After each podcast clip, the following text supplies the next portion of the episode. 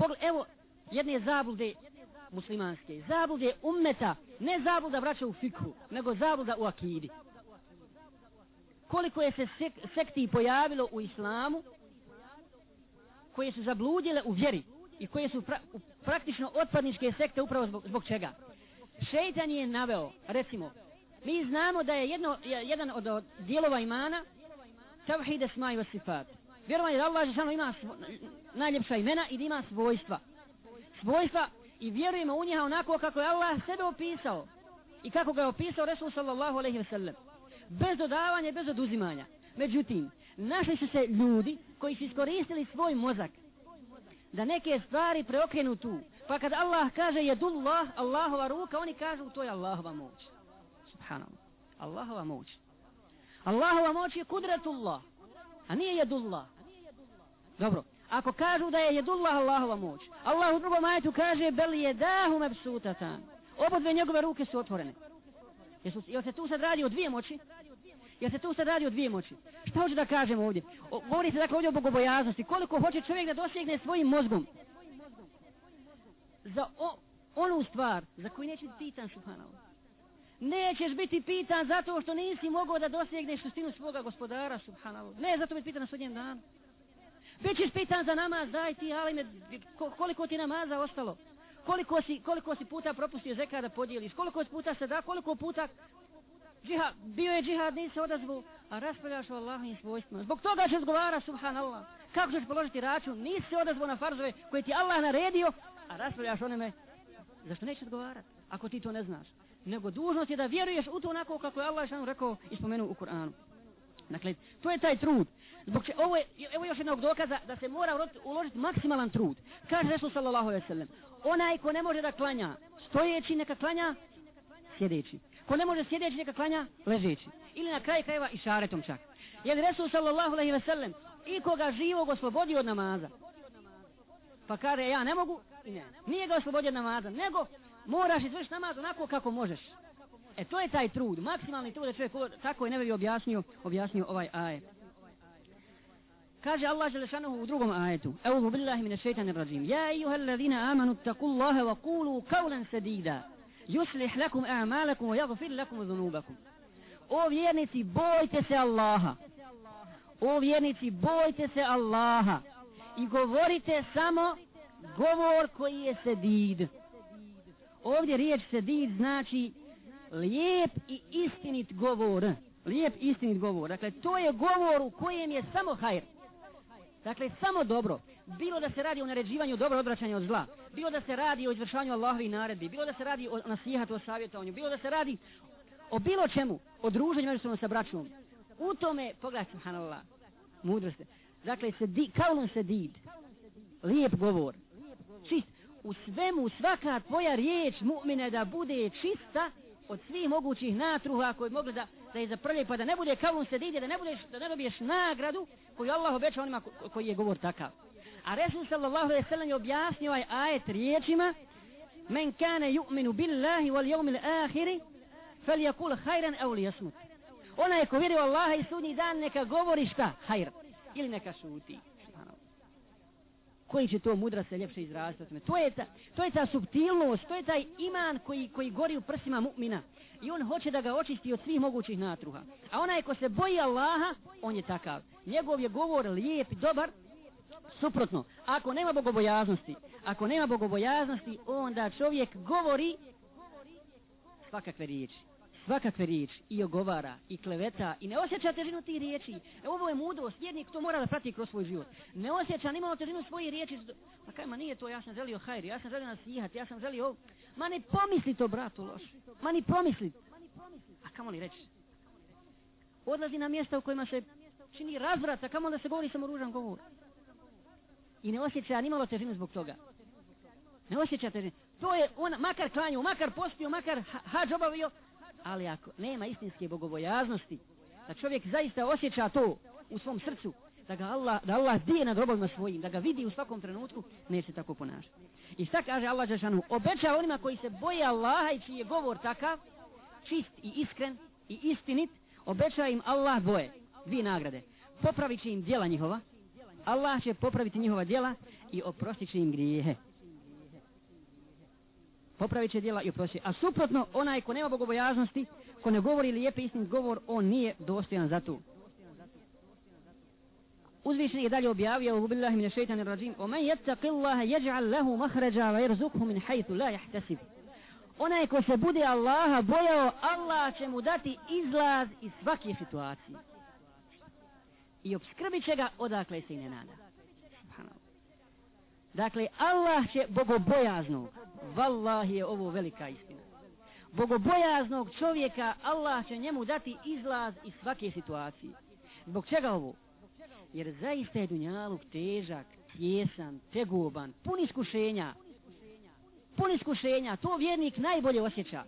Kod svakoga ima iskušenja i kod vjernika, ali vjernik i osjeća i posmatra i samo kroz lupu Islama, kroz lupu Allahove objave. I zna da su teška. A izla, bilo da, da se radi o, o smrti, bilo da se radi o bolesti, bilo da se radi o siromaštvu i tako dalje, teško je to. Ali ko se na Allaha istinski osloni, vallahi će mu Allah dati izlaz i obskrbit će ga, kaže Allah, odakle se i ne nada. Recimo, čovjek koji se bavi kamatom, zarađuje i metak na haram način. Nek ostavi kamatu ispravno ima Allaha Đalešanu, vallahi će mu Allah dat izlazi, da će mu veći bereket nego što je, nego što je imao sa kamatom. Druga stvar, često puta kad čovjek ostavi haram, vidi da izostaje Allahova pomoć, ne imaju brzo. Zbog čega kasni? Allah često puta kasni sa svojom milošću da iskuša roba. Allah zna kakav je rob, ali da se i on potvrdi. Jer onaj ko ostavi kamatu, ako mu neko kaže, povećat će se i metak ako ostaviš kamatu. Aha, povećat će se i metak, znači. A ja, znači, samo zbog povećanja i metka ostavljam kamatu, a nisam zbog toga što je haram, e onda tu ne ima hajra. Onda tu nema, dakle, to nije bogobojaznost, to nije, to nije takvaluk. Dakle, zakašnjenje je samo zbog kušnje, zato se ti Allahov robe strpi u ime Allaha Đalešanu osaburaj i sigurno je kraj tvoj. Za tebe je srećan kraj na dunjaluku i na ahiretu.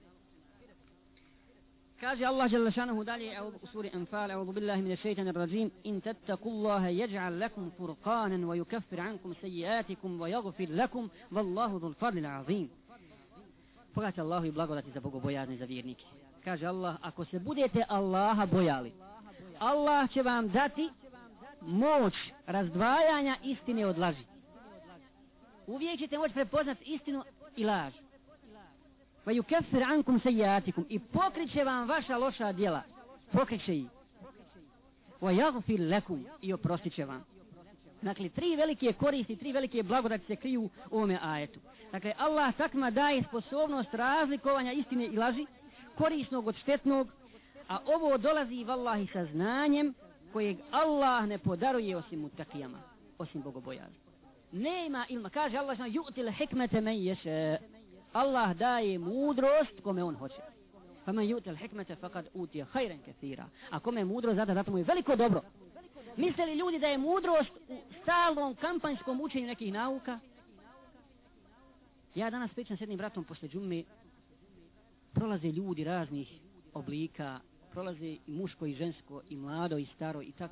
I ljudi s kravatama i bez kravata i s bradama i bez brada i ovakvi i onakvi. I kažem većinom dolaze ti ljudi na, na džume školovani s diplomama. I oni koji, a posebno i koji nisu džumi koji nisu džami i ide ulicom. I kažem bratu pogledaj vallahi da je izgubljen pogledaj da ne zna kuće vallahi ne zna kuće ko ne vidi u Allaha nema za njega izlaza on ne vidi ništa on ne vidi ništa, mada si mu ti smiješan. Ti si mu smiješan. Zbog toga što je on sam sebi žalostan. On ne zna kuda, nema izlaza. I onda hajde samo za šeitanom. A Allah onima koji istinski se na Allaha oslane daje znanje, daje istinsku razboritost, Ashabi su pretežno bili svi nepismeni, ali su bili jako inteligentni. Jako inteligentni. Allah im podario znanje, podario mu da su iskreno prihvatili objavu. Kaže Šafi, požalio sam se svom prijatelju na slabo pamćenje, na loše pamćenje. Pa kaže mi prijatelj, ostavi se grijeha. Jer kaže, nauka je svjetlo od Allaha, a Allah svoje svjetlo ne daje griješnicima. Ne daje Allah svjetlo griješnicima i vallahi griješnici nisu zaslužili da nose to svjetlo. Koliko imate ljudi hafiz, da ne govorimo o običnom znanju, nego hafiz Kur'ana. Hafiz Kur'ana zbog grijeha zaboravi ga za noć. Za noć zaboravi Kur'an. Hajde Allah Đalešanohu takvima da takvi nose Allahu riječ, Allahu objavu, subhanallah. Dakle, takma Allah povećava uputu, daje im znanje, povećaje pamćenje i tako dalje. I nema ni malo sumnje da je to samo da je vezano za bogobojazne, samo za mu'mine i samo Allah njima povećava znanje. Dalje, vidjet ćemo ljude, ovo je dokaz za to, vidjet ćemo ljude recimo koji su alimi, obo dvojice su alimi, ali jedan će ti iz jednog ajeta, iz jednog hadisa izvest tri propisa. Kada ovo se odnosi na to, na to, na to. A jedan će izvest 30 propisa iz toga. To je poznato u istoriji islama bilo. Poznati su alimi poput Šafije, poput Ahmeda Hanbala, poput, poput velikih imama, koji su ostali kao zvijezde, zvijezda na nebu, da budu znaci na putu ovome umetu. Dakle, to je i druga stvar. Vjernik, mu'min, a to, to ste vjerovatno osjetili svi na svojoj koži. Wallah je vjernik, mu'min, vas da prepoznaje lažljivca. Lažljivca koji laže, koji je munafik, koji... Neke, neke s tobom u safu.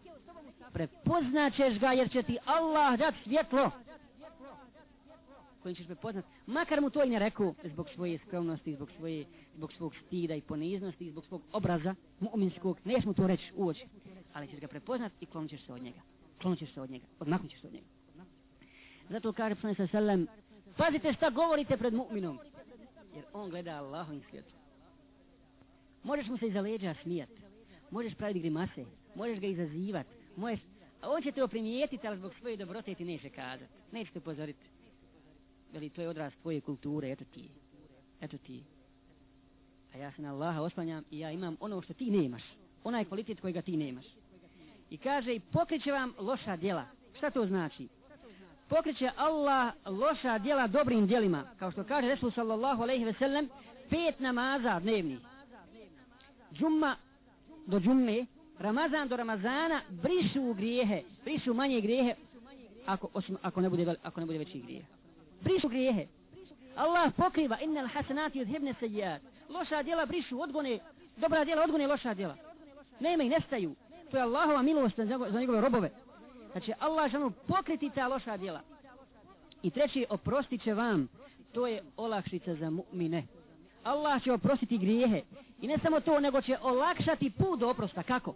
Koji je put do oprosta grijeha? Istikfar, tauba, dova, duga seđda, nam, noćni namaz i tako dalje i tako dalje. Kad se istinski utječeš Allahu Đelešan, mi smo o tome govorili. Wallahi vjernik osjeti da mu Allah oprosti grije. Vjernik osjeti kad mu spadne teresa duše. I kome god da se požali neće ga razumjeti. Osim njegov gospoda. Šta kaže Jakub a.s. Kad, kad njegovi sinovi bacaju Jusufa, Jusufa u jamu. I kažu, pojao ga je vuk, izmišljaju. Kaže, ja sam Allahu jadam. Ja Allahu svoju tugu iznosim. Ja Allahu svoju tugu iznosim, ne vama. Jer ja znam šta to znači. Jes tuga, ali kad se na Allah oslanim, to nije tuga. To nije tuga jer znam da će mi Allah Želešanuhu tu tugu zamijeniti većom radošću nego, nego što je prije bila. I tako je bio. Sabrun Džemil. To su riječi iskrenih Allahovih robova. To Allah Đelešanuhu oprašta, oprašta takvima grijehe. I ne daj Bože da Allah nije omogućio istikvar, da nije omogućio te obu koja bi to te goba bila laha. Znaš da ne može niko prosti grijeh osim Allah učiniš ga, a nije ti mogućna tauba. Ne ulubillah. Dakle, ovo je neizmjena Allaha milost.